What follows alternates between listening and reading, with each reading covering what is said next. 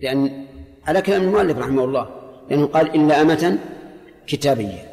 طيب آه صار حرب بين المسلمين وبين الهندوس فسبينا النساء هل تحل نساؤهم؟ نعم. على أين. على ما ذهب إلى المؤلف؟ لا تحل. حتى لو ملكناها بالسبي ما تحل. لكن هذا خلاف ظاهر القرآن وهو قول ضعيف. والصواب أن الأمة المملوكة وطئها حلال سواء كانت كتابية أو غير كتابية. وليس في كتاب الله عز وجل اشتراط أن يكون أن تكون من ملكت كتابية أبدا.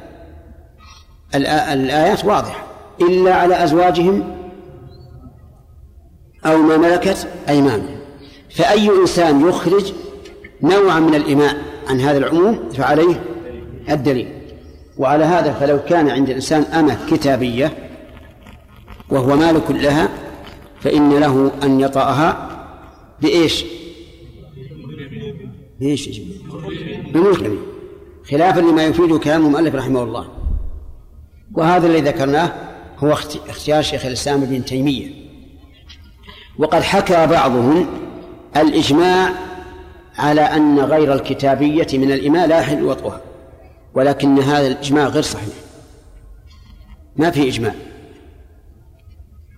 قال ومن جمع بين محللة ومحرمة في عقد صح في من تحل.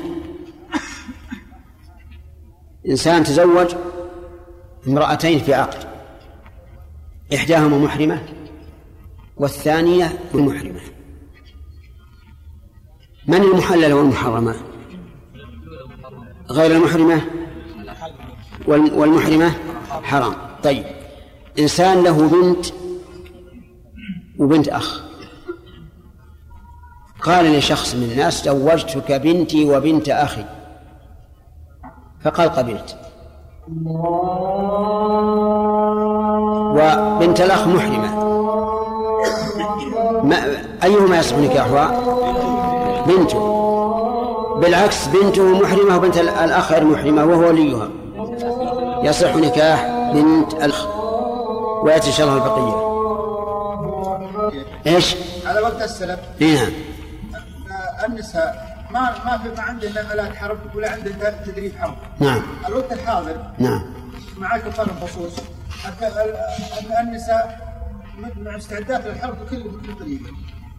وش وش وش الطريقة معهن لو بيجي لو بيجي بينهم وبين المسلمين ويستكون المسلمين عليهم هل يجوز قتالهم؟ هل يجوز يا شيخ من يعفى عنهم؟ هل يجوز؟ لا أحسن شيء إنه إذا قاتل مع الكفار وغلبناهم ان أن يسترقق. يصير يصير رقيقات وباعا لكن يخاف من شره يا شيخ. لا ما يخاف من شره لا ترجع السكين ولا, ولا البندقية. وأنا أضمن لك إن إذا جزة وجدت لك ما هي هي تدافع عنك. هي. نعم. قلنا وقت الأمة يجوز مطلق بملك اليمين. لكن نكاح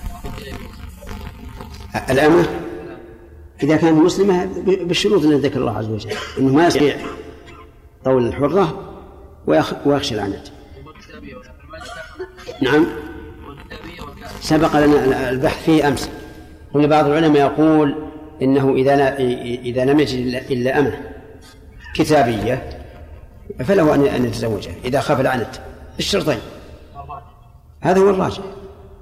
قد يكون ضرورة.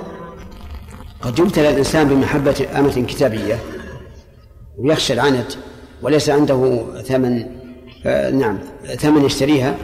ولا عنده طول حرة فماذا يحصل؟ والآية الكريمة لا شك من فتياتكم المؤمنات أنها معتبرة لكن إذا لم نجد نعم. ملكها فلا تحل لا يحل له إلا بعد الحارم عليه نعم. هل يجوز في تحريم الأشياء بالإلاء مثلا ثم يراجعها تحل له يعني يكون غلط صحيح في هذا؟ كيف؟ يكون غلط صحيح مثلا في الإلاء في الإله؟ الإلاء يؤذي لا لا ما يصلح. يحرمها إما بإخراج عن ملكه أو تزويج لها بعد الاستبراء لا بد من هذا. نعم. المذهب. الاب لا يجوز ان يتزوج امه نعم. حتى لو كانت مما يتعلق حاجة ابن ولا يستطيع أيضا لا يجوز التملك مما يبين له شروط. لا بد أن تنطبق حتى على على هذا. وإذا كانت وإذا كانت ذريه ابنه ما تحل ابدا. إذا كان الابن قد تسراها ما تحل تسراها طيب. طيب. ما يتملكها ليس له ليس له تملك. هل على المذهب مع هذه الحال يجوز للأب أن يتزوجها أو ظاهر منه الإطلاق لكن يحمل على أنه اذا شرط أن يجوز أن يجوز له التملك. أنت الوقت من صاحب الوقت؟ بسم الله الرحمن الرحيم. الحمد لله رب العالمين. والصلاة والسلام على نبينا محمد وعلى آله وصحبه أجمعين. قال المصنف رحمه الله تعالى في كتاب النكاح في باب المحرمات في النكاح في فصل المحرمات إلا أمد. لا باب الشروط في والعيوب في النكاح. فيه مسألة واحدة بس. باب الشروط والعيوب في النكاح. باب الشروط والعيوب في النكاح. إذا شرط طلاق ضرتها أو أن لا يتسرع أو أن لا يتزوج عليها أو أن لا يخرجها من دارها أو بلدها أو اشترطت نقدا معينا معينا أو زيادة في مهرها صح فإن خالفه فلها الفسخ وإذا زوجه وليته على أن يزوجه الآخر وليته ففعلا ولا مهر بطل النكاحان إن سمي لهما مهر صح. بسم الله الرحمن الرحيم. الحمد لله رب العالمين. وصلى الله وسلم على نبينا محمد وعلى آله وأصحابه ومن تبعهم بقول بإحسان إلى يوم الدين.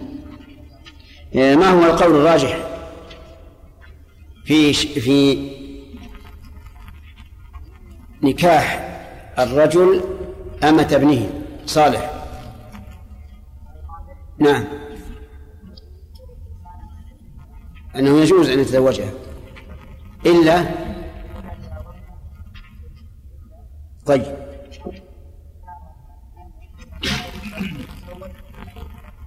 الإمام يعني يجوز أن يتزوج بشرط بشرط أن يحل له نكاح الإماء وألا إما ذكور خلص أو إناث خلص أو مشتبه فيه. الذكور والإناث الخلص واضح أمره لكن المشتبه فيه ويسمى الخنث المشكل. تعريفه في باب الميراث من لم يتبين أنه ذكر أو أنثى. من لم يتبين أنه ذكر أو أنثى سواء كان له آلة ذكور وإناث أو كان له مخرج واحد يخرج منه البول والغائط أو لم يكن له مخرج. المهم من لم يتبين أنه ذكر أو أنثى هذا في باب الميراث. في باب النكاح الخنثى المشكل من له آلة ذكر وآلة أنثى. أي له عضو ذكر وفرج أنثى. ولم يتبين أهو ذكر أو أنثى. بأن كان يبول منهما جميعا. ولم يظهر يحصل له شيء يميز. أذكر منهما هو أو أنثى. فهذا لا لا يصح أن يتزوج. لا يتزوج أنثى ولا يتزوج ذكرا لا يتزوج أنثى لاحتمال أن يكون أنثى. والأنثى لا تتزوج الأنثى ولا يتزوج ذكرا لاحتمال أن يكون ذكرا والذكر لا يتزوج الذكر. فيبقى هكذا. لا يتزوج. إلى أن يتبين أمره. فإذا تبين أمره فإن كان من الذكور تزوج الإناث وإن كان من, الإناث تزوجه الذكور. إذا هذا حرام إلى إلى أمد ولا إلى أبد؟ ها؟ إلى أمد. إلى أمد حتى يتبين أمره وبهذه المسألة انتهى باب المحرمات في النكاح إلى أمد. ثم قال المؤلف رحمه الله باب الشروط والعيوب في النكاح. هذا الباب يشتمل على شيئين على الشروط في النكاح والعيوب في النكاح. أما الشروط في النكاح فهي إلزام أحد الزوجين الآخر بما له فيه غرض إلزام أحد الزوجين الآخر يا عقيل وين أنت؟ إلزام أحد الزوجين الآخر بما له فيه غرض ومحله أي محل الإلزام في العقد أو ما اتفق عليه قبله. في العقد يعني يشترط عند عقد النكاح. أو ما اتفق عليه قبله. فإن, فإن كان بعد العقد ولو في مجلس العقد فإنه لا أثر له ولا عبرة به. بخلاف الشروط في البيع. الشروط في البيع محلها في العقد أو بعد العقد في زمن الخيار. ولا يصح الشرط قبل العقد. فتعاكسا. اتفقا في شيء واختلفا في شيء. اتفقا في إيش؟ في أن العقد المق... في أن الشرط المقارن للعقد صحيح فيهما. وافترقا في أن العقد السابق في أن الشرط السابق للعقد يصح في النكاح ولا يصح في البيع وأن وأن الشرط الذي يكون بعد العقد يصح في البيع ما دام في. في زمن الخيار ولا يصح في النكاح فهمتم؟ فلو اتفق البائع والمشتري على أن يبيع عليه السلعة بشرط أن يسكنها شهرا نعم بيتا. أن يبيع عليه بيتا واشترط عليه أن يسكنه شهرا. هذا قبل العقد. اتفقوا على هذا. ثم لما جرى العقد لم يذكر هذا الشرط. فلا عبرة به. لأنه لم يصادف محلا. ولو تم البيع بدون شرط. وفي أثناء مجلسهما مجلس العقد اشترط البائع على المشتري أن يسكن البيت شهرا. فإنه صحيح. لأن البيع لا يلزم إلا إذا تفرقا كما جاء في الحديث الصحيح. إن تفرقا ولم يفسخ واحد منهم البيع فقد وجب البيع. في النكاح اتفق الزوج والزوجة على شرط عند الخطبة. ولما حصل العقد لم يذكر هذا الشرط. فهل فهل يصح أو لا؟ يصح. ويكون لازما تم العقد بين الزوجين. وفي مجلس العقد اشترط أحدهما شرطا لنفسه فلا عبرة به. والفرق بينه وبين البيع. أن النكاح يلزم بمجرد العقد.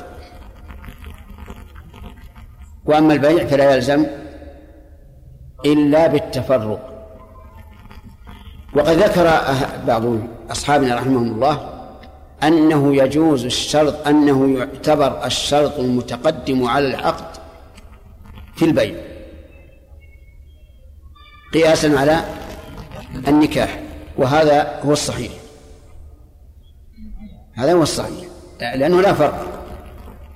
فكل منهما أي من البائع والمشتري لم يدخل إلا على الشرط الذي اتفق عليه من قبل. بقي أن يقال ما الفرق بين الشروط في النكاح وشروط النكاح؟ نقول الفرق بينهما من وجهين. الوجه الأول أن شروط النكاح ثابتة بوضع الشرع. ثابتة بوضع الشرع لا باشتراط أحد الطرفين. مثاله شروط النكاح. الولي الرضا. نعم والشهادة على ما سبق تعرفون. هذه من وضع الشر وأما الشروط في النكاح فهي من وضع المتعاقدين أو أحدهما. الفرق الثاني أنه ليس للمتعاقدين إبطال شروط النكاح. ولمن له الشرط في النكاح أن يبطله لأنه حق. هذا هو الفرق. هناك فرق ثالث يمكن أن يقال. شروط النكاح صحيحة ثابتة لا تنقسم إلى صحيح وفاسد. والشروط في النكاح تنقسم إلى صحيح وفاسد. لأن الشروط المخالفة للشرع باطلة كما قال النبي صلى الله عليه وسلم كل شرط ليس في كتاب الله في كتاب الله فهو فهو باطل. يقول مالك رحمه الله إذا شرط إذا شرطت طلاق ضرتها شرطت الفاعل يعود عن المرأة. متى تشترط؟ قبل نعم. في في حال العقد أو إذا اتفق عليه قبله إذا شرط طلاق ضرتها. والضرة هي الزوجة الثانية لمن عقد عليها. يعني فإن ذلك يصح. فإن لم تطلق فإن لم يطلق الضرة فلا الفسق. لأن هذا لأن هذا الشرط على ما مشى عليه المؤلف صحيح. واضح يا جماعة؟ طيب. أو أن لا يتسرى أو لا يتزوج عليها. اشترطت عند العقد أن لا يتسرى عليها أي أن لا يطأ مملوكة له. أو أن لا يتزوج عليها أي أن لا يعقد نكاحا على غيرها. فهذا صحيح. فإن خالفه فلها الفسق. دليل ذلك عموم قول الله تعالى يا أيها الذين آمنوا أوفوا بالعقود. والشروط في العقود من العقود. وقوله تعالى وأوفوا بالعهد إن العهد كان مسؤولا. وقول النبي صلى الله عليه وعلى آله وسلم إن أحق الشروط أن توفوا به ما استحللتم به الفروج. هنا ثلاث مسائل ذكرناها الآن. الأولى إذا شرطت طلاق ضرتها والثانية أن لا يتسرع عليها. الثالثة أن لا يتزوج. وعرفتم أدلة وجوب الوفاء بهذا بهذا بهذه الشروط. أما المسألة الأولى فإن القول الراجح فيها أن اشتراء أن الشرط فيها باطل. الشرط فيها باطل. يعني إذا شرط طلاق ضرتها فهو شرط باطل. لا لا يجوز الوفاء به بل ولا يجوز اشتراطه أصلا. والدليل لذلك قول النبي صلى الله عليه وسلم لا تسأل المرأة طلاق أختها لتكفأ ما في صحفتها. لا تسأل المرأة طلاق أختها. وهذا نهي صريح ومعلل بعلة بعلة العدوان وهو قوله لتكفأ ما في صحفتها. يعني هذا عدوان عليها. فحقها سابق على حق الجديدة وإذا كان الحديث يدل على هذا يعني على النهي عن ذلك صار الشرط باطلا لقول النبي صلى الله عليه وسلم المسلمون على شروطهم إلا شرطا أحل حراما أو حرم حلالا. ولقوله صلى الله عليه وعلى آله وسلم كل شرط ليس في كتاب الله فهو باطل وإن شرط مئة مرة. فإنه باطل. وهذا واضح. فإن قال قائل إذا التزم الزوج بهذا الشرط وقلنا ببطلانه ولم يطلق الضرة فهل للمرأة الفسخ؟ الجواب فيه تفصيل. إن كان قد خدعها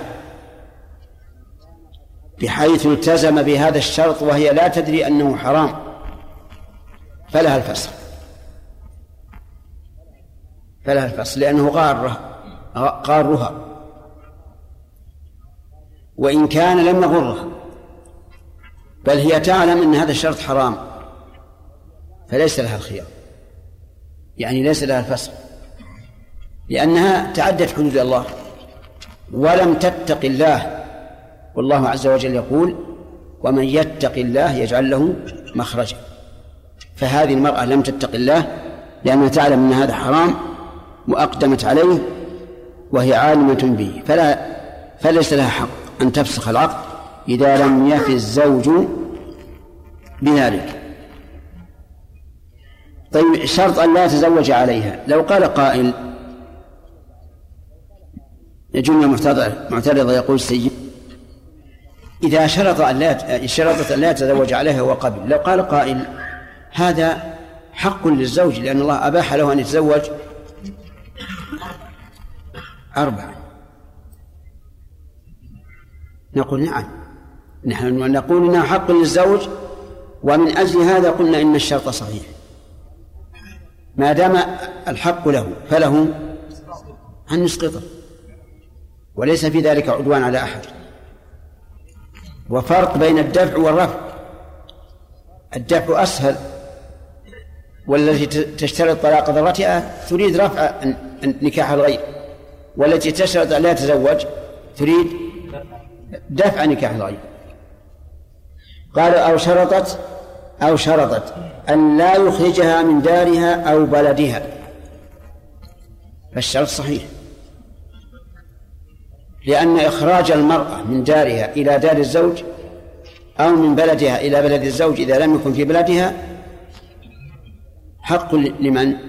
حق للزوج. فإذا أسقطه بشرطها ألا يخرجها من دارها أو بلدها سقط آه، طيب. لو شرطت أن لا يخرجها من المملكة فله أن يخرجها إلى بلد آخر؟ لا يعني غير المملكة إلى بلد إلى بلد غير بلدها. انتبه هي مثلا من أهل مكة. اشترطت أن لا يخرجها من المملكة فأخرجها إلى المدينة. جائز أو غير جائز؟ هذا جائز. لأنه إنما التزم أن لا يخرجها من المملكة لا من بلدها التي هي ساكنة فيه. أو شرطت نقدا معينا يعني في المهر. شرطت نعم. أو شرطت نقدا معينا يعني في المهر. بأن قالت أريد أن يكون صداقي من الدولارات. يجوز أو لا يجوز؟ يجوز؟ طيب. اشترطت أن يكون المهر من النقد المعدني يعني ذهبا أو فضة. يجوز أو لا يجوز؟ يجوز. طيب. شرطت أن يكون صداقها من فئة مئتين الجديدة. يجوز أو لا يجوز؟ يجوز. لأنه قد يكون لها فيه غرض. المهم إذا شرطت نقدا معينا لزم الزوج. لعموم قوله تعالى يا أيها الذين آمنوا أوفوا بالعقود والشروط في العقود من العقود. لأن لاحظ الشروط في العقود هي أوصاف للعقود. فتدخل في في قوله أوفوا بالعقود. طيب. آه، أو شرطت زيادة في مهرها. هذه هذه المشكلة اجتماعية. شرطت زيادة في مهرها والتزم بذلك. فالشرط صحيح. لاحظ أن قوله في مهرها متعلق بنقد معين وزيادة. بالمسألتين جميعا. شرطت زيادة في المهر. لا بأس. إذا التزم فلا مانع. طيب لو شرطت العكس نقصا في المهر. يصح؟ يا جماعة كيف يصح؟ إذا قالت بشرط أن لا يكون مهري إلا مئة ريال قال لا بأس مستع ثم أرسل لها مئتين. يصح؟ لا. لا ترد المئة. لها أن ترد المئة. لأنه قد يكون لها غرض في قلة المهر. إما لأن لا تنكسر.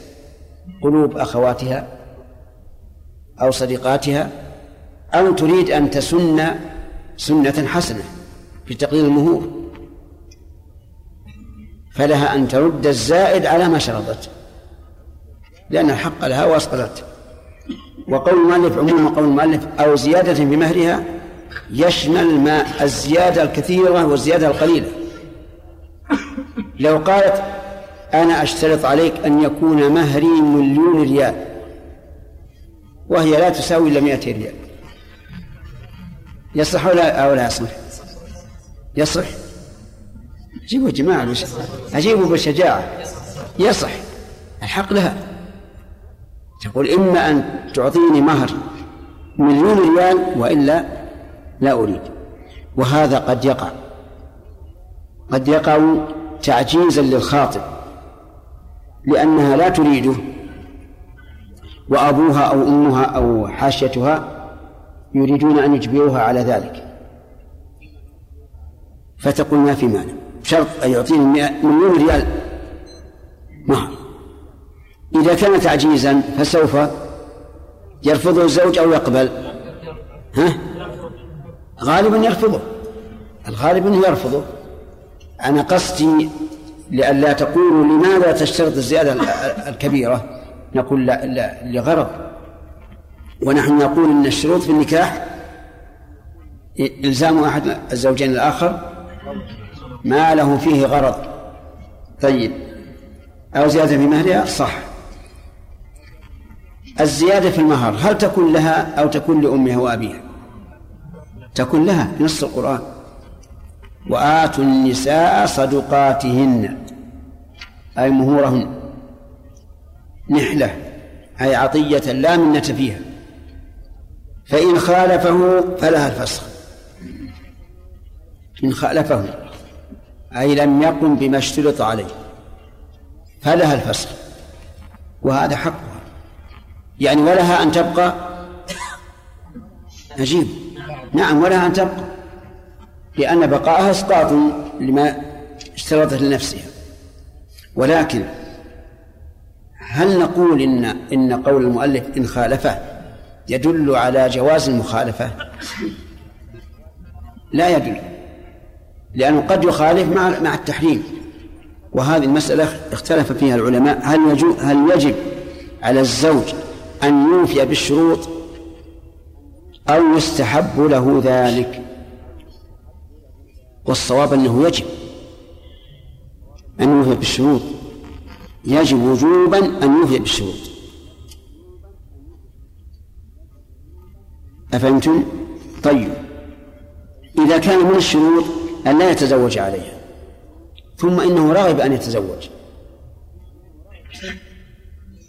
نقول يجب أن توفي فلا تتزوج. فإذا قال إنه لا يتمكن قلنا إذن لا بد أن ترضي الزوجة التي اشترطت ألا تتزوج عليها حتى تسقط حقها. وإلا فأنت الآن ملزم لأن النبي صلى الله عليه وعلى آله وسلم قال إن أحق الشروط أن توفوا به إيش؟ ما استحللتم به الفروج.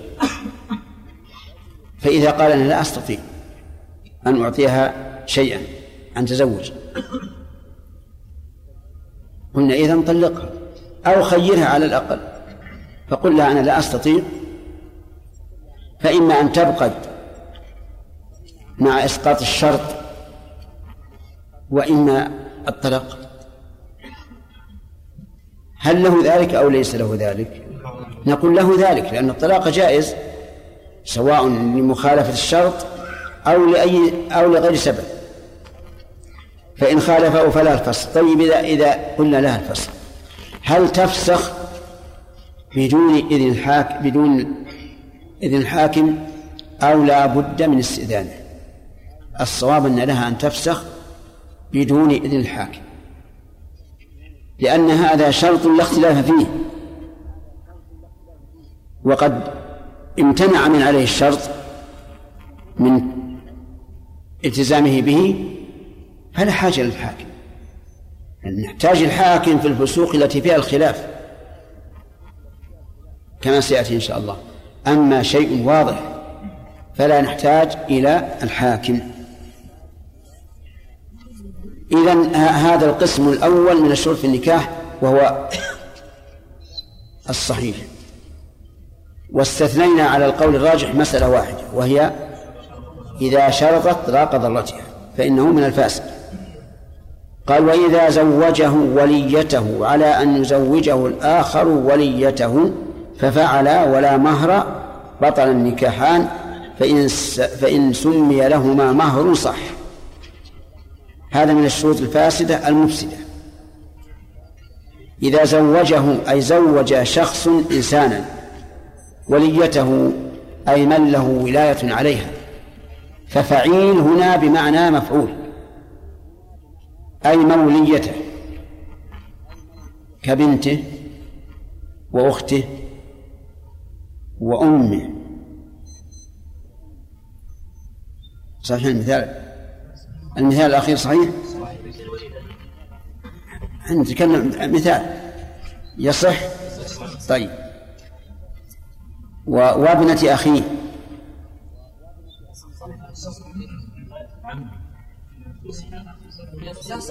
يصح مولية له طيب المهم أي امرأة هو لها ولي إذا زوجه زوجها شخصا على أن يزوجه الآخر وليته أي موليته ففعل.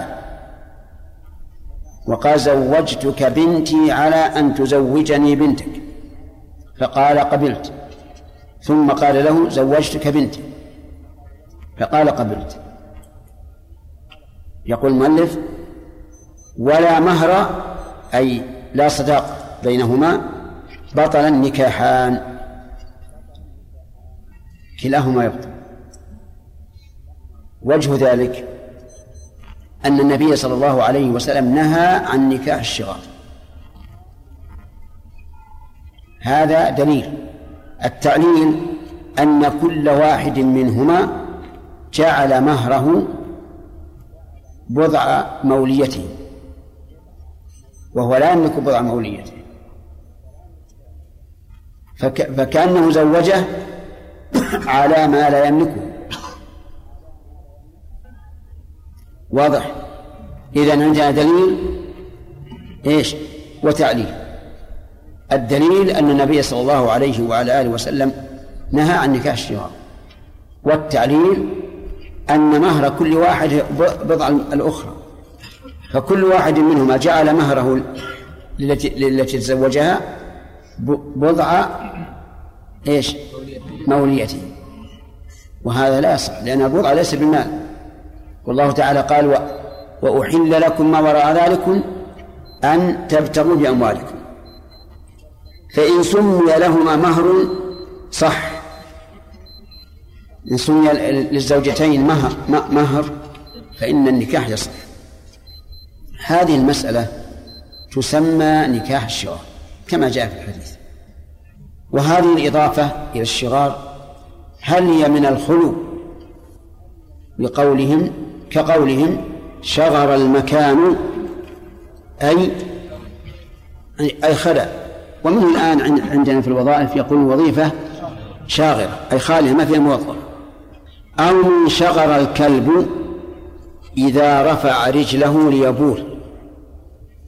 الكلب إذا أراد أن يبول يرفع رجله ويبول. فاشتقاقها على فاشتقاقها على من الأول يدل على أن هذا النكاح ليس فيه مهر. خال من المهر. واشتقاقها من الثاني يدل على قبح هذا العقد. وأنه يشبه يشبه إيش؟ الكلب. يشبه رفع الكلب رجله. ولم يأتي التمثيل بالحيوانات إلا في مقام الذم. فيكون هذا النكاح مذموما. ولكن شرط واحد. أن لا يكون بينهما مهر. فإن سمي لهما مهر فلا بأس. ولكن لا, لا بد من مراعاة الشروط الأخرى. مثال ذلك قال زوجتك بنتي على أن تزوجني بنتك ومهر بنتي عشرة آلاف ريال ومهر بنتك عشرة آلاف ريال. الآن سمي لهما مهر. أليس كذلك؟ إذا لم يخلو العقد من المهر.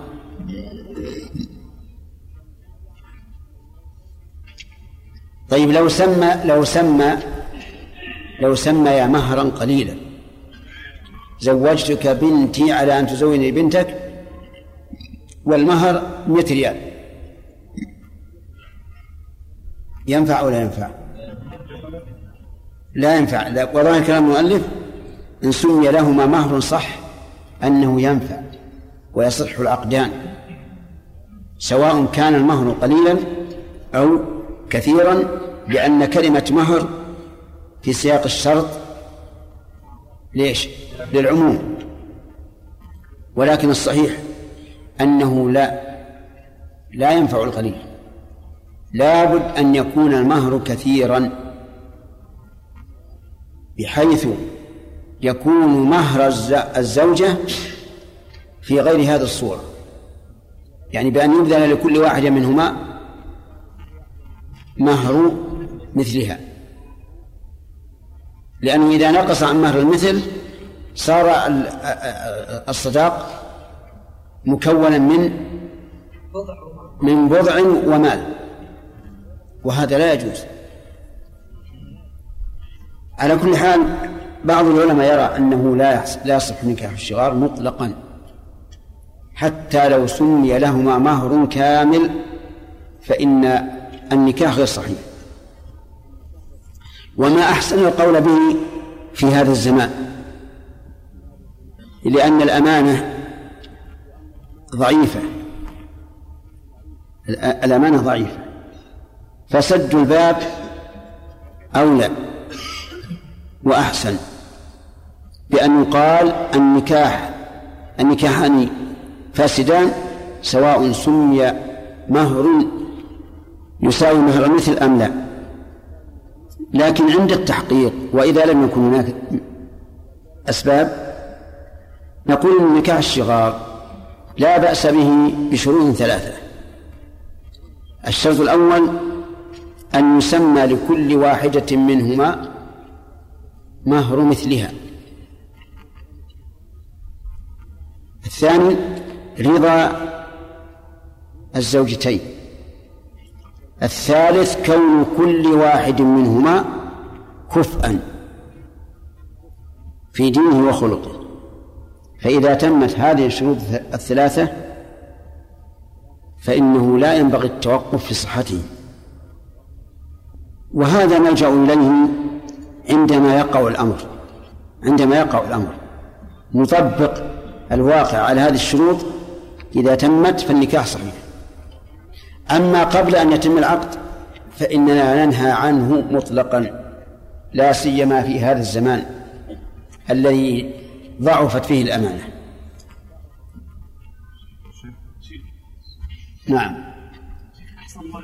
بالنسبة الذي يحل الحرام هذا واضح لكن ما صورة الشرط الذي يحرم الحلال نعم. إذا إذا اشترط شيئا ينافي العقد. ينافي المقصود بالعقد كأن اشترط البائع على المشتري أن لا يخرجه عن ملكه. هذا ما يجوز. وفي النكاح وفي النكاح سيأتينا إن شاء الله في الفصل الثاني. نعم.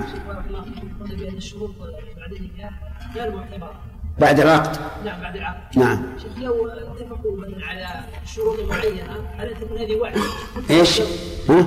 مثلا اشترطوا شيئا بعد العقد. نعم. على أن هذا وعد من الزوج نعم. هل يجب أن يفي به؟ ما يجب. ما يجب. لم يتم العقد. نعم. إذا علمت المرأة بأن الزوج خالف الشرط ثم سكتت فترة ما بعد ذلك طلبت إيش؟ الطالب الفسخ بعد الندرة من مخالفة الشرع نعم لها ذلك إذا كان لغرض يعني ترجو أن يفي به فحقها باقي أما إذا كانت رضيت ثم بعد ذلك استأنفت فلا فلا فليس لها ذلك يحيى كهربائي أن المرأة إذا شرطت ألا تخرجها من دارها أو من بلدها يصح هذا الشرط. نعم. في- لم تشترط لكن عرف أهلها أنها لم العرف عندهم. عندهم. نعم.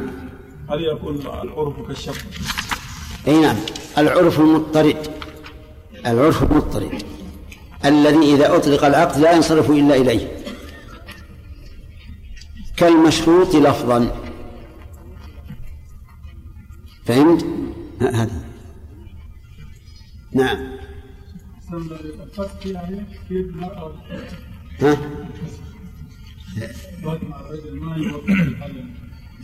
الفصل بيد, بيد من له الحق؟ أي نعم. تقول تشهد اثنين اشهدوا لا أن فلانا لم يفي بالشرط. فأنا قد فسخت نكاح. ولا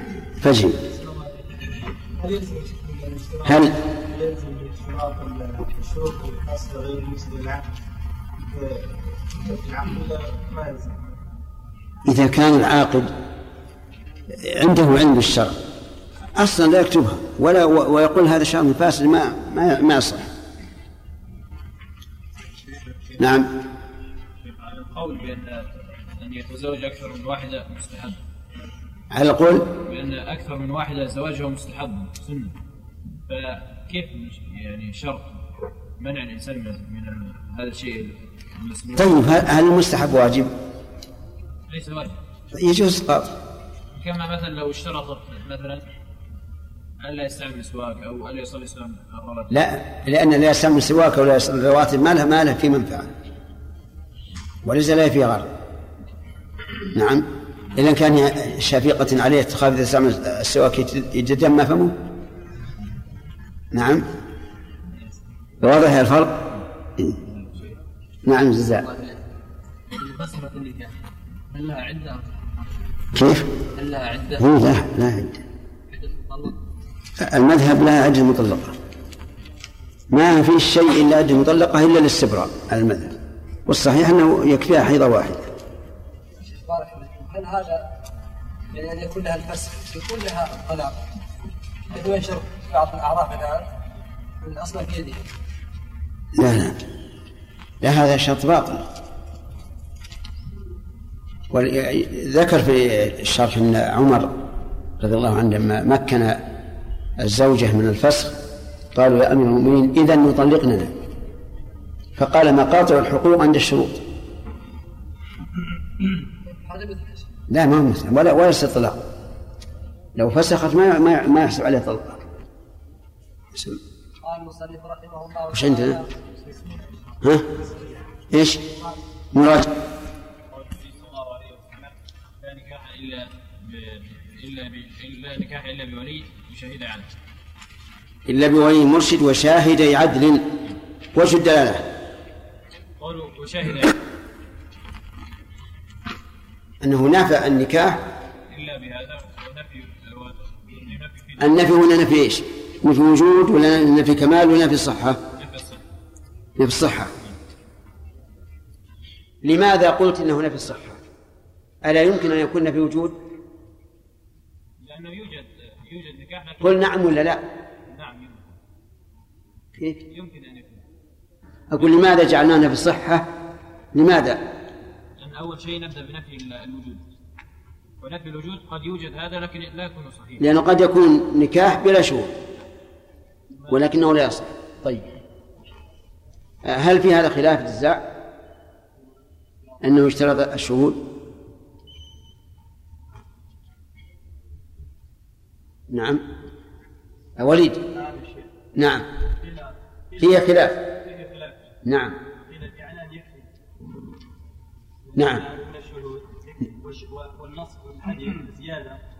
إلا بشاهدين عدلين وقيل هذه الزيادة ضعيفة. الحديث وشاهد عدل ضعيف في الزيادة. قال النبي وبلدها أو شرطت نقدا معينا أو زيادة في مهرها صح إن خالفه فلا الفسق وإذا زوجه وليته على أن يزوجه يزوجه الآخر وليته ففعل ولا مهر بطل النكاحان إن سمي لهما مهر صح نعم لا بأس مش اي كمل. وإن تزوجها بشرط أنه متى حللها بأول طلقها أو نواه بلا شرط أو قال زوجتك إذا جاء رأس الشهر أو يضرب أمها أو إذا جاء غد فطلقها أو وقته بمدة بطل الكل. بس يكفي. بسم الله الرحمن الرحيم الحمد لله رب العالمين. وصلى الله وسلم على نبينا محمد وعلى آله وصحبه أجمعين. آه، امرأة اشترطت على زوجها في النكاح أن لا يتزوج عليها. عبد الرحمن. يجوز؟ لا يجوز. الشرط صحيح. شرط صحيح. نعم. الدليل؟ الدليل قوله عموم قوله تعالى أوفوا بالعقود. قوله تعالى أوفوا بالعقود. وهذا يشمل الوفاء بأصل العقد وبما شرط فيه. وقوله صلى الله عليه وسلم المسلمون على شروطهم وقوله وقوله صلى الله عليه وسلم المسلمون على شروطه نعم وإن حق الشروط أن توفوا به ما استحللتم به. الفروج نعم. آخر تزوج امرأة ومعه زوجة سابقة فاشترطت أن يطلق زوجته الأولى. نعم. نعم. أجب على ما في الكتاب ثم أذكر شيئا آخر. نعم. ها؟ لها أن تشترط إذا لم يطلقها لها أن تفسر النكاح. هذا قول. من جمعه في قول آخر. أنه لا يصح أن تشترط طلاق ضرته الدليل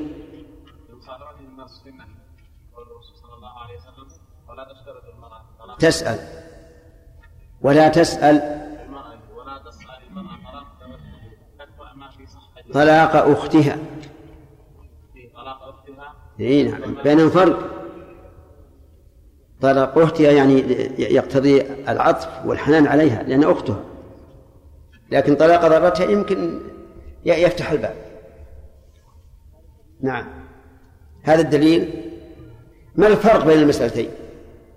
المسألة الأولى اشتراط لا يتزوج يوافق وقلنا الشرط صحيح. وهنا قلنا الشرط غير صحيح. الفرق؟ الفرق آه، الآن هذا استقر النكاح. أيهما السابق طلاق آه، الزوجة الأولى نكاحها ثبتت. والسؤال مفارقتها أنها منع حقها وإفساخ نكاحها؟ لا وال- أو ألا يتزوج. وألا يتزوج هذه الزواج من جديد أن يبتدئ يعني الفرق إذن إذا شرط أن يتزوج فهو حق له أسقطه برضاه وإذا شرطت أن يطلق زوجته فهذا اعتداء على حق الزوجة لأنه صار في طرف ثالث.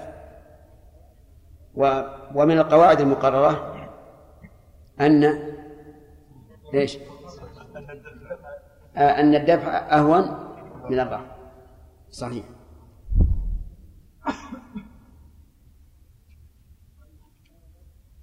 طيب اشترطت زياد زيادة في مهرها. فجري لها ذلك؟ ويلزم. طيب اشترطت نقصا في مهرها. لها ذلك؟ طيب لو أعطاها أكثر مما اشترطت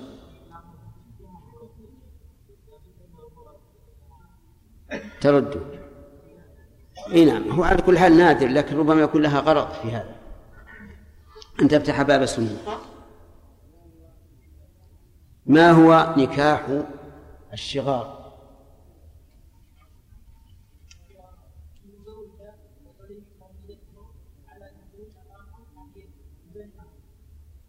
نعم. حكمه؟ أحسن. طيب.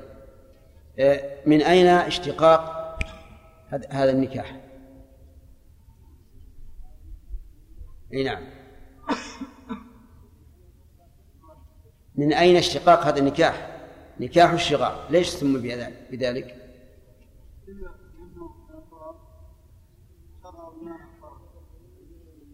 قيل لخلوه من المهر.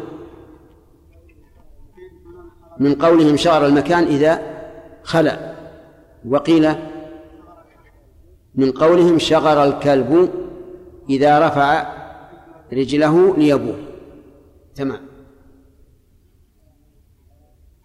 على ال... على الاشتقاق الأول ف... يقتضي أنه لو لو كان فيه مهر؟ طيب. نعم. من أجل تقبيحه فيشمل ما فيه مهر وما ليس فيه مهر. طيب. آه رجل زوج ابنته شخصا. إلى الآن ما بعد ذكرت السؤال. كيف ترفع يدك؟ كان بيجيب سؤال معضل. آه رجل زوج ابنته رجلا وفي نفس المكان زوجه الثاني ابنته. أيجوز هذا يحيى أو لا؟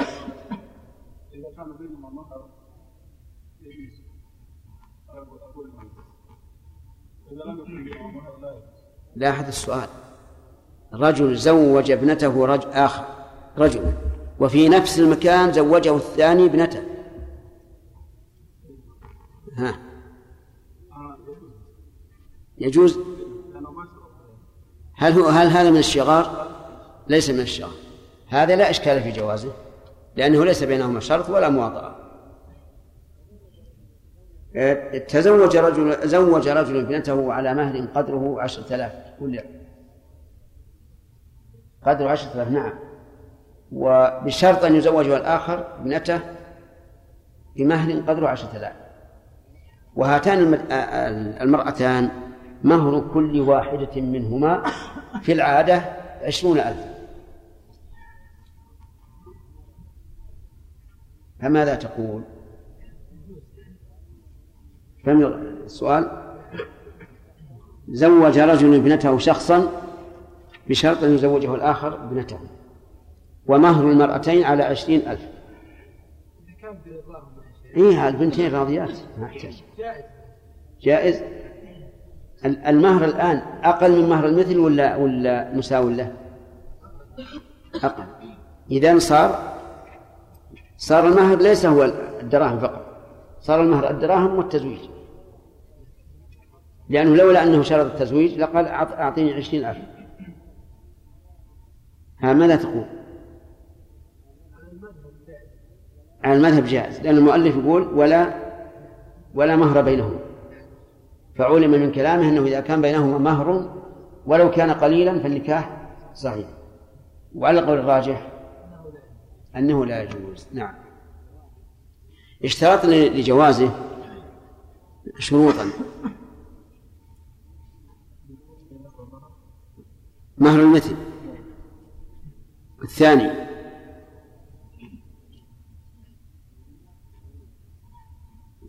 وين أنت؟ ما حضرت درس السابق؟ ها؟ حاضر؟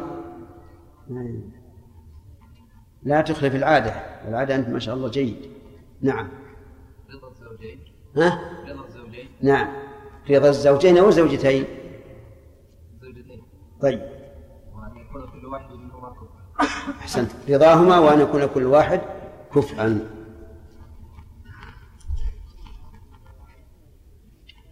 انتهى الكلام على على نكاح الشرار في في الثالث نكاح المحلل. قال وإن تزوجها أي تزوج رجل امرأة بشرط أنه متى حللها للأول طلقها. هذا واحد. أو نواه بلا شرط. يقول المؤلف بطل بطل النكاح بطل الكل لكل الصور اللي ذكره. وهذا يسمى نكاح المحلل. نكاح المحلل. وصورة المسألة رجل طلق زوجته ثلاثا. يعني طلق وراجع وطلق وراجع وطلق الثالث. هذه الطلقة الثالثة تحرمها عليه إلى متى؟ حتى تنكح زوجا غيره. فأتى هذا المطلق إلى شخص من أصحابه وقال له أنا أعطيك المهر فتزوج امرأتي وإذا جمعتها طلقها. ففعل. فالنكاح النكاح باطل. النكاح باطل. وسنذكر السبب. وقول المؤلف بشرط أنه متى حللها؟ أي متى جامعها؟ لأنها لا تحل إلا بالمجامعة. فإن النكاح غير صحيح.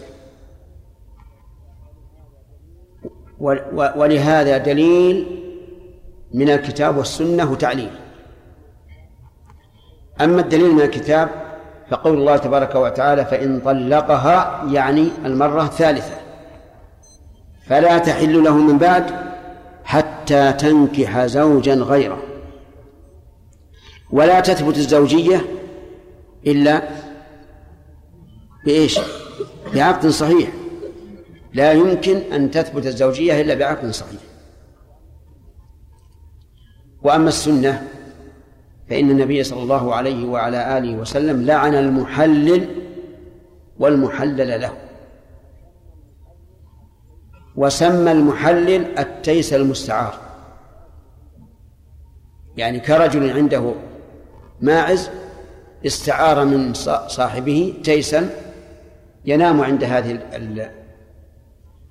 الماعز لأجل أن ينزو عليها. فهذا تيس مستعار. أما التعليل فلأن الله فلأن المقصود من النكاح هو الدوام. والإلفة والسكن. كما قال تعالى ومن آياته أن جعل لكم من أنفسكم أزواجا لتسكنوا إليها وجعل, وجعل بينكم مودة ورحمة. هذا المحلل هل أراد أن يسكن إلى هذه الزوجة؟ لا. هل أراد أن تثبت المودة والمحبة؟ لا. أبدا. ولعله يكرهها أكره ما يكون.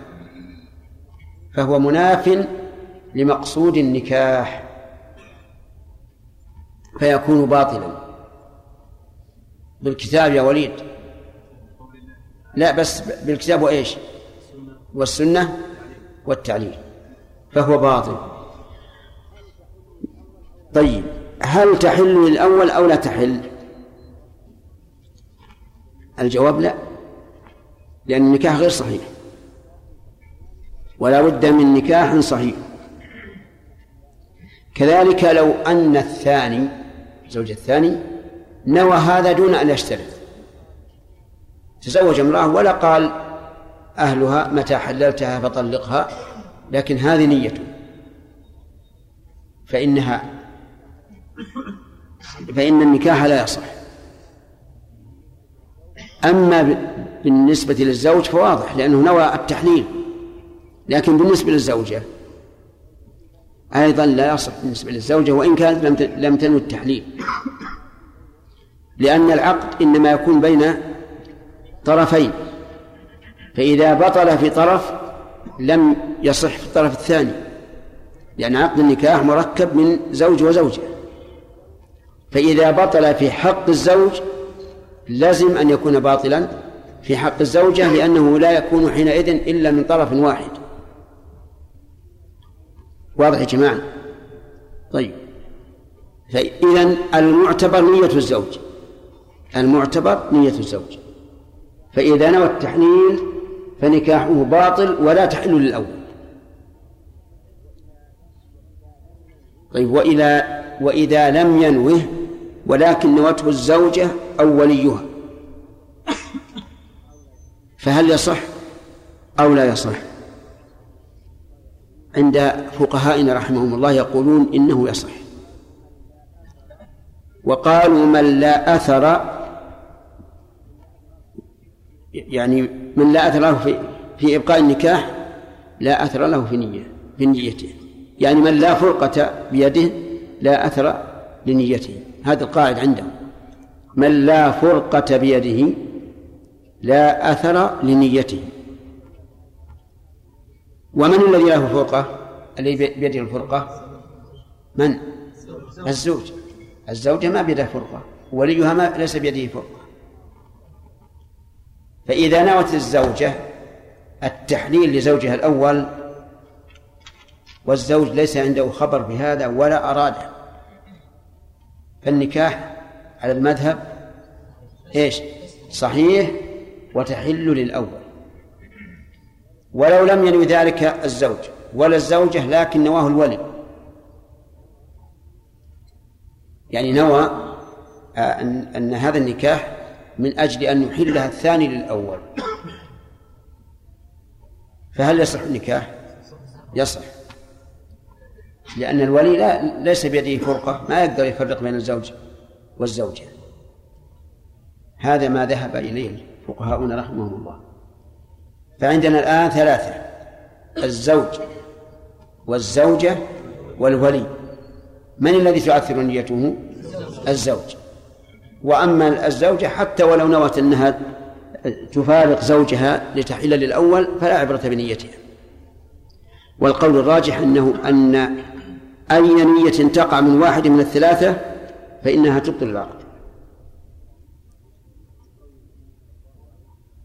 لقول النبي صلى الله عليه وعلى آله وسلم إنما الأعمال بالنيات والولي حينما عقد لم ينوي نكاحا مستمرا دائما وكذلك الزوجة فالأعمال إذن بالنيات فإذا قال الإنسان إذا نوت الزوجة أنه متى حل لها الأول فارقته. هل هل تملك هذا؟ أجيبه. لا ما تملك ما تملك. لا شك أنها لا تملك. لكن نقول يمكن أن تنكد على الزوج وتؤذي الزوج حتى يمل ويطلق. أو لا؟ هذا ممكن. يمكن أن تغري الزوج بالمال بالمال. المرأة عندها مال كثير. وقالت للزوج إنها تعطيه أضعاف المهر الذي دفع عشر مرات.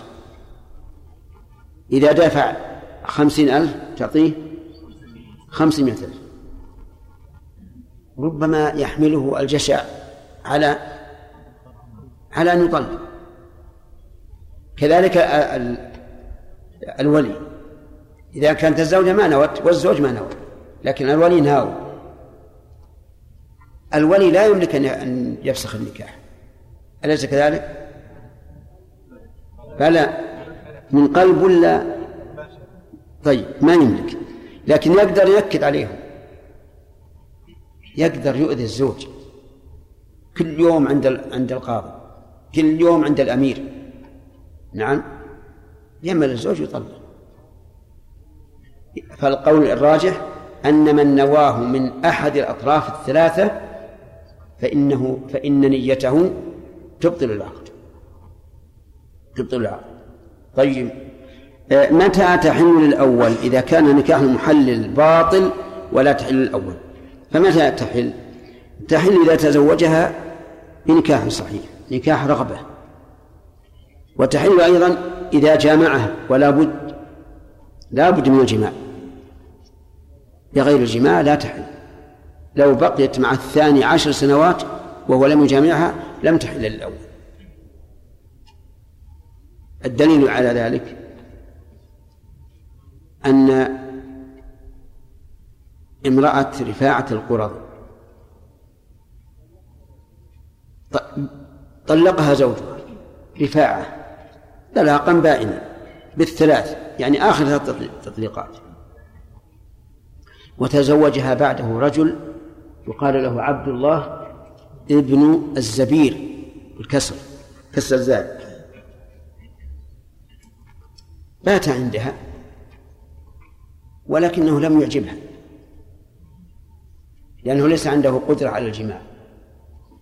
فجاءت تشكو إلى الرسول عليه الصلاة والسلام وقالت يا رسول الله إن رفاعة طلقني وبت طلاقا وتزوجت بعده عبد الرحمن بن الزبير. وليس معه إلا مثل هدبة الثوب. يعني وأشارت بثوبها. ف فقال النبي صلى الله عليه وسلم أتريدين أن ترجعي إلى رفاعة؟ قالت نعم. قال لا. حتى تذوقي عسيلته ويذوق عسيلتك. فدل ذلك على أنه لا بد من من الجماع. والحكمة من ذلك أنه إذا جامع رغب إذا جامع رغب عن الزوج الثاني فإن الجماع يقتضي المودة بين الزوجين. فصار الحاصل أن من من الشروط التي تبطل العقد شرط إيش؟ شرط التحليل. بقي عندي في الحديث عندنا في الحديث إشكال. لعن النبي صلى الله عليه وسلم المحلل والمحلل له. المحلل واضح أنه مستحق لأنه اتخذ آيات الله هزوا. النكاح يراد للبقاء وهذا لم يرده للبقاء. لكن المحلل له. يقال هذا الإطلاق يحمل على النصوص الأخرى. وهي الدالة على أنه لابد أن يكون هذا عالما. أعني المحلل له. وأما إذا لم يكن عالما فإنه ليس بملعون. أو تحمل على ما إذا علم بعد العقد ثم تزوجها فإن نكاحه باطل. فالمهم أن اللعنة لا تجب إلا على من يستحقها. أرجو أن الانتباه صار نكاح التحليل يثبت إما بالشرط وإيش؟ أو بالنية. في أيضا قسم آخر. وهو نكاح المتعة. أشار إليه بقوله أو قال زوجتك إذا جاء الشهر أو إن رضيت أمها أو إذا جاء غد فطلقها أو وقته بمدة. هذه أربع صور. الصورة الأولى إذا إذا علق العقد بزمن. فقال زوجتك إذا جاء الشهر. قال قبلت فهذا تعليق للعقد بشرط المستقبل فلا يصح. لا يصح. بناء على أي على أن القاعدة عند عند الفقهاء رحمهم الله أن العقود المعلقة لا تصح. إلا ما استثنوا من الوكالات والولايات وما أشبه ذلك. وليس عندهم دليل. إلا تعليل إلا تعليل عليل.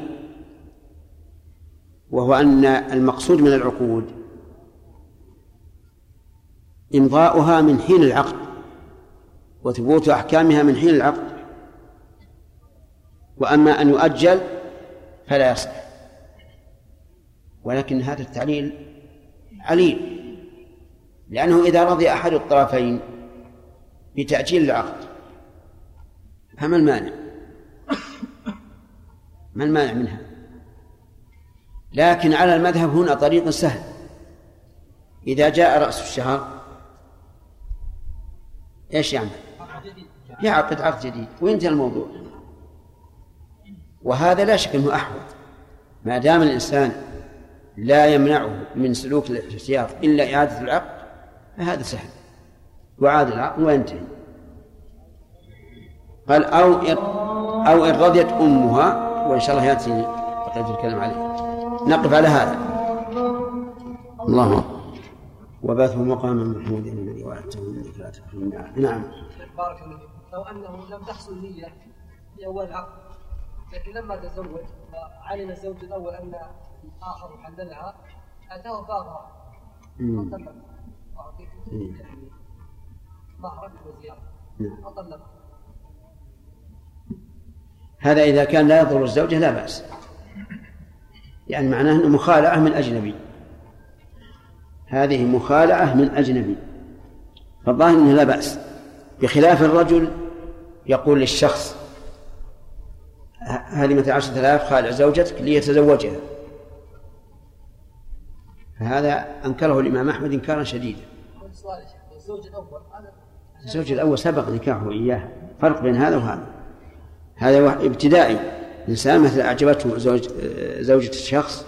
وجاء أمه وقال له فلان أنا أريد أن أعطيك دراهم وأغراه وطلق زوجتك علشان يتزوجها. هذه ما أنكرها الإمام أحمد وحق له أن ينكر أن ينكر. بخلاف هذا فإذا كان ما إذا كان لا لا يؤثر على الزوجة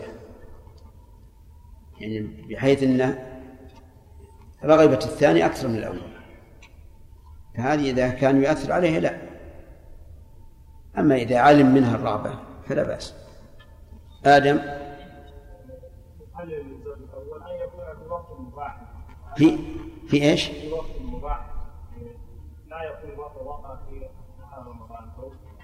آه. حرام. نعم نعم. يعني يشترط أن يكون الوطن مباحا ظاهر الآن الحديث أنه ليس بشرط. لكنه يأثم. إذا جامع في حال يحرم في الجماع يأثم. والعسيلة تذاق حتى في في في رمضان. حتى في الصيام. وحتى في الحيض. إيش؟ تزوجها على نية الطلاق. يعني المصلحة يعني كانت من زوج الأول أولادها يعني تزوجها ليحلها للأول لمصلحة. ما يجوز. نعم. فهد. الذين قالوا ان نيه الزوجه لا عبره بها نعم. استدلوا بحديث امرأة فاعل. وان الرسول صلى الله عليه وسلم قال لها لما ذكرت له ما فعلت من الزبير قال لها الرسول صلى الله عليه وسلم لا حدثني وسيأتي وسيأتي ولم يقل. مع ان الرسول صلى الله عليه وسلم خلال الحديث إنه علم أنها تريد أن لا. وقال لم يرد الرسول إلا بالجماع فقط بعد المانع لا لا. هي نكاحها أول نكاح رابع. لكن لما شافت رفاعة ما عنده شيء أرادت الفراق إلا إيش؟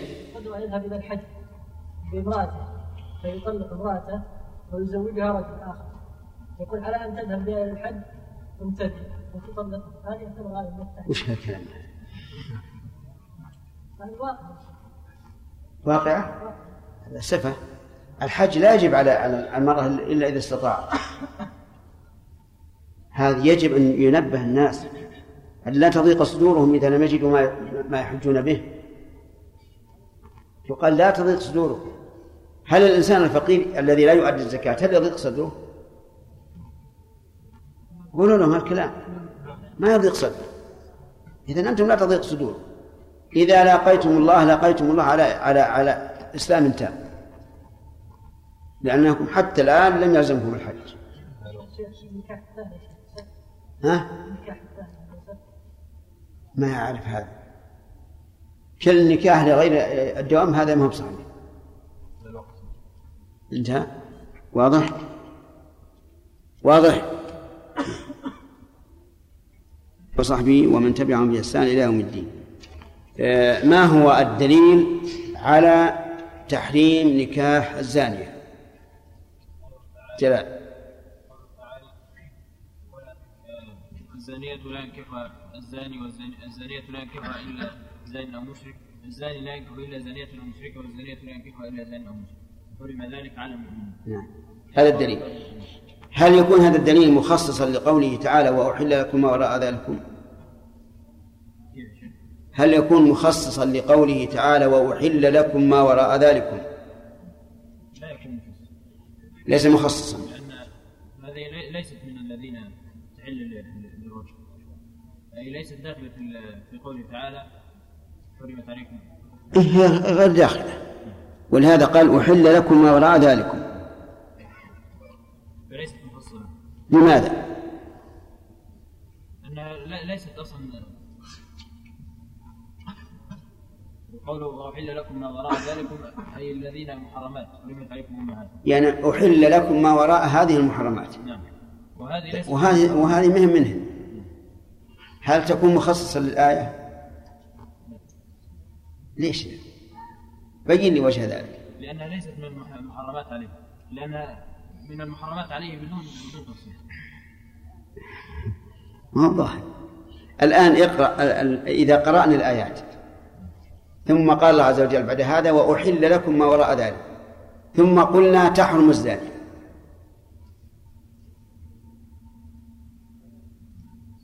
نعم.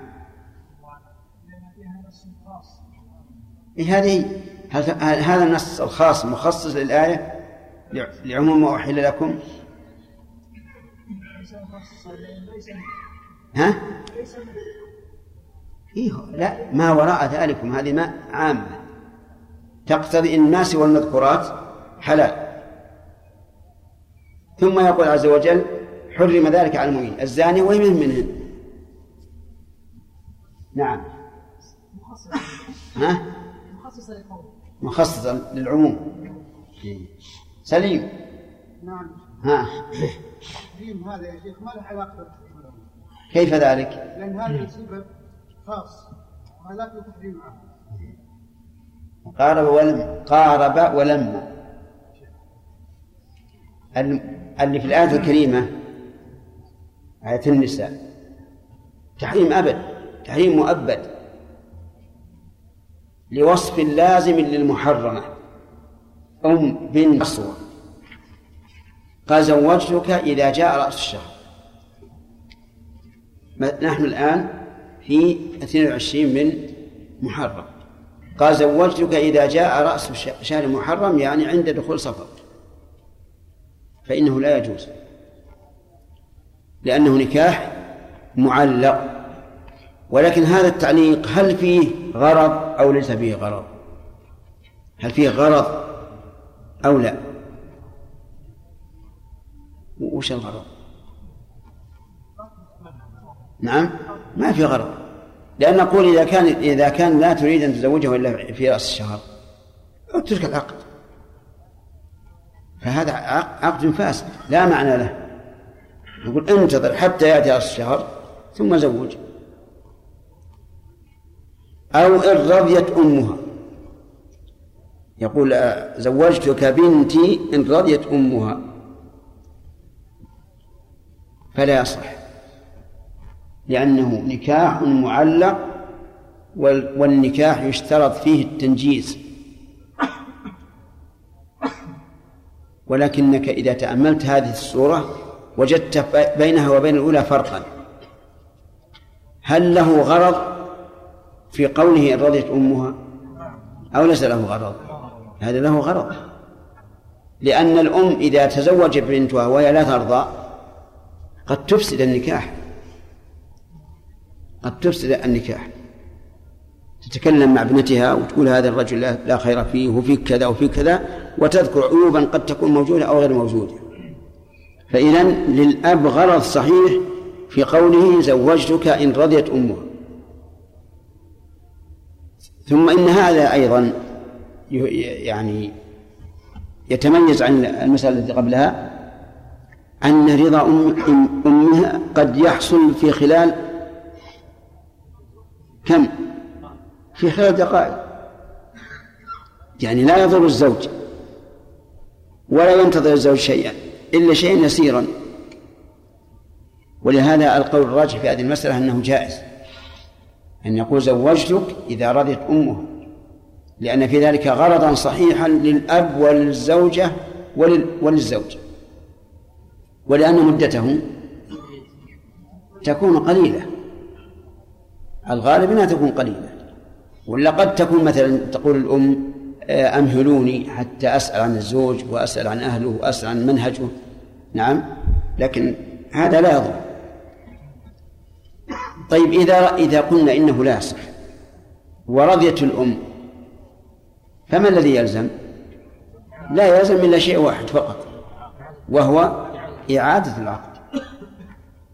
وما أسهل إعادة العقد إذا كان يحمي الإنسان من الشبهة ويخرج به من الخلاف. فنقول الحمد لله الأمر الآن ما في إشكال. وإذا قلنا بعدم آه، صحة النكاح فأعد العقد. لكن يترتب على القول بأنه بأنه يصح أنه لو رضيت أمها ثم ماتت المرأة. أو مات الزوج. هل تث... هل إذا مات الزوج هل عليها عدة أو لا؟ إذا قلنا بالصحة فعليها فعليها عدة. ولها المهر والميراث أيضا. وإذا قلنا لا صح لا. لم يترتب شيء. الله أكبر. نعم يا سليم. إذا كان يا شيخ الإنسان يهدي إنسان دينه إيش؟ إذا صار إنسان يهدي إنسان دينه وعنده بنت صغيرة. وقبلها الإنسان هذا اللي اللي هو مثل دينه هل يجوز له اللي يعطيه نية على على إنه ما ما يبقى الإنسان يعني على كيف مثل الدين اليوم ما يبقى الإنسان على كيف كل اي يعني وعده وعد فقط. ولا زوجه؟ لا يعطيه يقول يعني وعد. إيه، وعد. وعد ما في بأس. الوعد ما في بأس لكن زوجه لا يجوز. يحيى؟ صلى الله عليه هل يجوز للأم أن تخالف الأب إذا لم ترضى الزوج؟ زوج أولا إذا رضيت الزوجة يعني المخطوبة ما لأحد كلام. لكن الزوج زوجته غالية عنده. إما غالية عنده ويكرمها بمشاورتها أو أنه يخاف منها أنه لو زوج بنته وهي غير راضية أفسدتها عليه أي نعم النظر في الزوج هذا حق للأب إيش؟ النظر في الزوج في حق الخاطر هل هو صالح ولا لا؟ هل, هل هو؟ هل يعني كفء كفء يعني النظر في هذا أصل للزوجة. أي نعم. لكن لو اختارت من ليس بكفء في دينه فله أن يمنعه. وكذلك فيما فيما نرى أنه لو اختارت من ليس كفءا في خلقه فله أن يمنعه. يعني بأن يكون الخاطب سيع الغضب معروف بال- بالعنف. وهي ال- البنت رضيته فللأب أن يمنعها فإذا قالت أنا أتحمل أتحمل ضيق صدره وأتحمل ما يأتي منه من إساءة. قلنا لو تحملت لأن فيما بعد ربما يكون هناك مشاكل. أنت الآن راضية وتقول أتحمل لكن سرعان ما ينتقد. الغزل صوفا. فله أن يمنعه ولهذا جاء الحديث إذا أتاكم من ترضون إيه دينه وخلقه فأنكحوا نعم ها؟ لا نرى أنه لا بد من مهر المثل ها؟ غير هذه الصورة ما يحصل الآن بعض الناس اللي يزوج بنته على 10 ريال أو على 100 ريال أو على 1000 ريال هل يخالف قول الله تعالى أن تبتغوا بأموالكم؟ لا لا هذا كلامنا في في مسألة الشغار غير الشغار لا. لا المذهب إذا شرط أن لا مهر لها فالنكاح صحيح ولها مهر لكن لو أعطت قريب 10 ريال لو يعطيها قرش ترضى ما في ما في مشكلة. ما يخالف ليش؟ هو مال ما هي ما خمسة ريال هذه لا لا ما هو بشرط. متى رضيت المال والرسول قال خاتم من حديد متى رضيت بالمال ف... ف... ف... فلا بأس. قليلا كان أو كثيرا نعم. إيش؟ ما في شيء. ليته يقع بالقليل. نتمنى. ها؟ مو شرط التأثير. الشرط أنه يصح أن يعقد عليه البيع ما صح أن يعقد عليه البيع صح أن يكون معه وخمسة ريال يصح يعقد عليه البيع كم فيها من خبزة؟ عبد الرحمن جمع كم فيها من خبزة؟ ها؟ لا خمسة ريال كم فيها من خبزة؟ ها؟ عشرين ما يدري ما هذا نعم هي نعم يشكرون على هذا أيضا انتهى الوقت باب الشروط والعيوب في النكاح فصل وان شرط ان لا مهر لها أو أن لا نفقة أو أن يقسم لها قبل مضرتها أو أكثر أو شرط فيها خيارا أو ان جاء بالله بوقت كذا وإلا فلا نكاح فإنهما بطل الشرط وصح النكاح. وان شرطها مسلمة فذلك كتابية أو شرطها بكرا أو جميلة أو نسيبة أو نفي عيب لا يتصف به النكاح. فذلك الخلاف كلام فسخ وإن اعتقد تحت حر فلا خيار لها بل تحت عقد نعم بسم الله الرحمن الرحيم. أظن ما كملنا الأ- الأول؟ ها؟ كيف؟ بسم الله الرحمن الرحيم. سبق لنا الشروط التي تبطل العقد. منها شرط التحليل ومنها نكاح الشغار ومنها نكاح المتعة. هذه الشروط تبطل العقد. نكاح المتعة أن يتزوجها إلى مدة معينة بأن يقول آه، زوجتك بنتي لمدة شهر فهذا لا يجوز. والمتعة أحلت ثم حرمت. ثم أحلت ثم حرمت على قول بعض أهل العلم. والصحيح أنه لم يكن منها لم يكن ذلك فيها وإنما أحلت ثم حرمت. حرمها النبي صلى الله عليه وعلى آله وسلم وقال إنها حرام إلى يوم القيامة. ومثل هذا الحكم الذي جعل النبي صلى الله عليه وعلى آله وسلم أمده إلى يوم القيامة لا يمكن أن ينسخ لأنه لو قيل بجواز النسخ لاستلزم إيش؟ لاستلزم أن يكون خبر النبي صلى الله عليه وسلم الذي هو حكم كذبا وهذا مستحيل. فإذا قال زوجتك بنتي لمدة شهر أو شهرين أو سنة أو سنتين بطل النكاح. ولم تحل للزوج بهذا.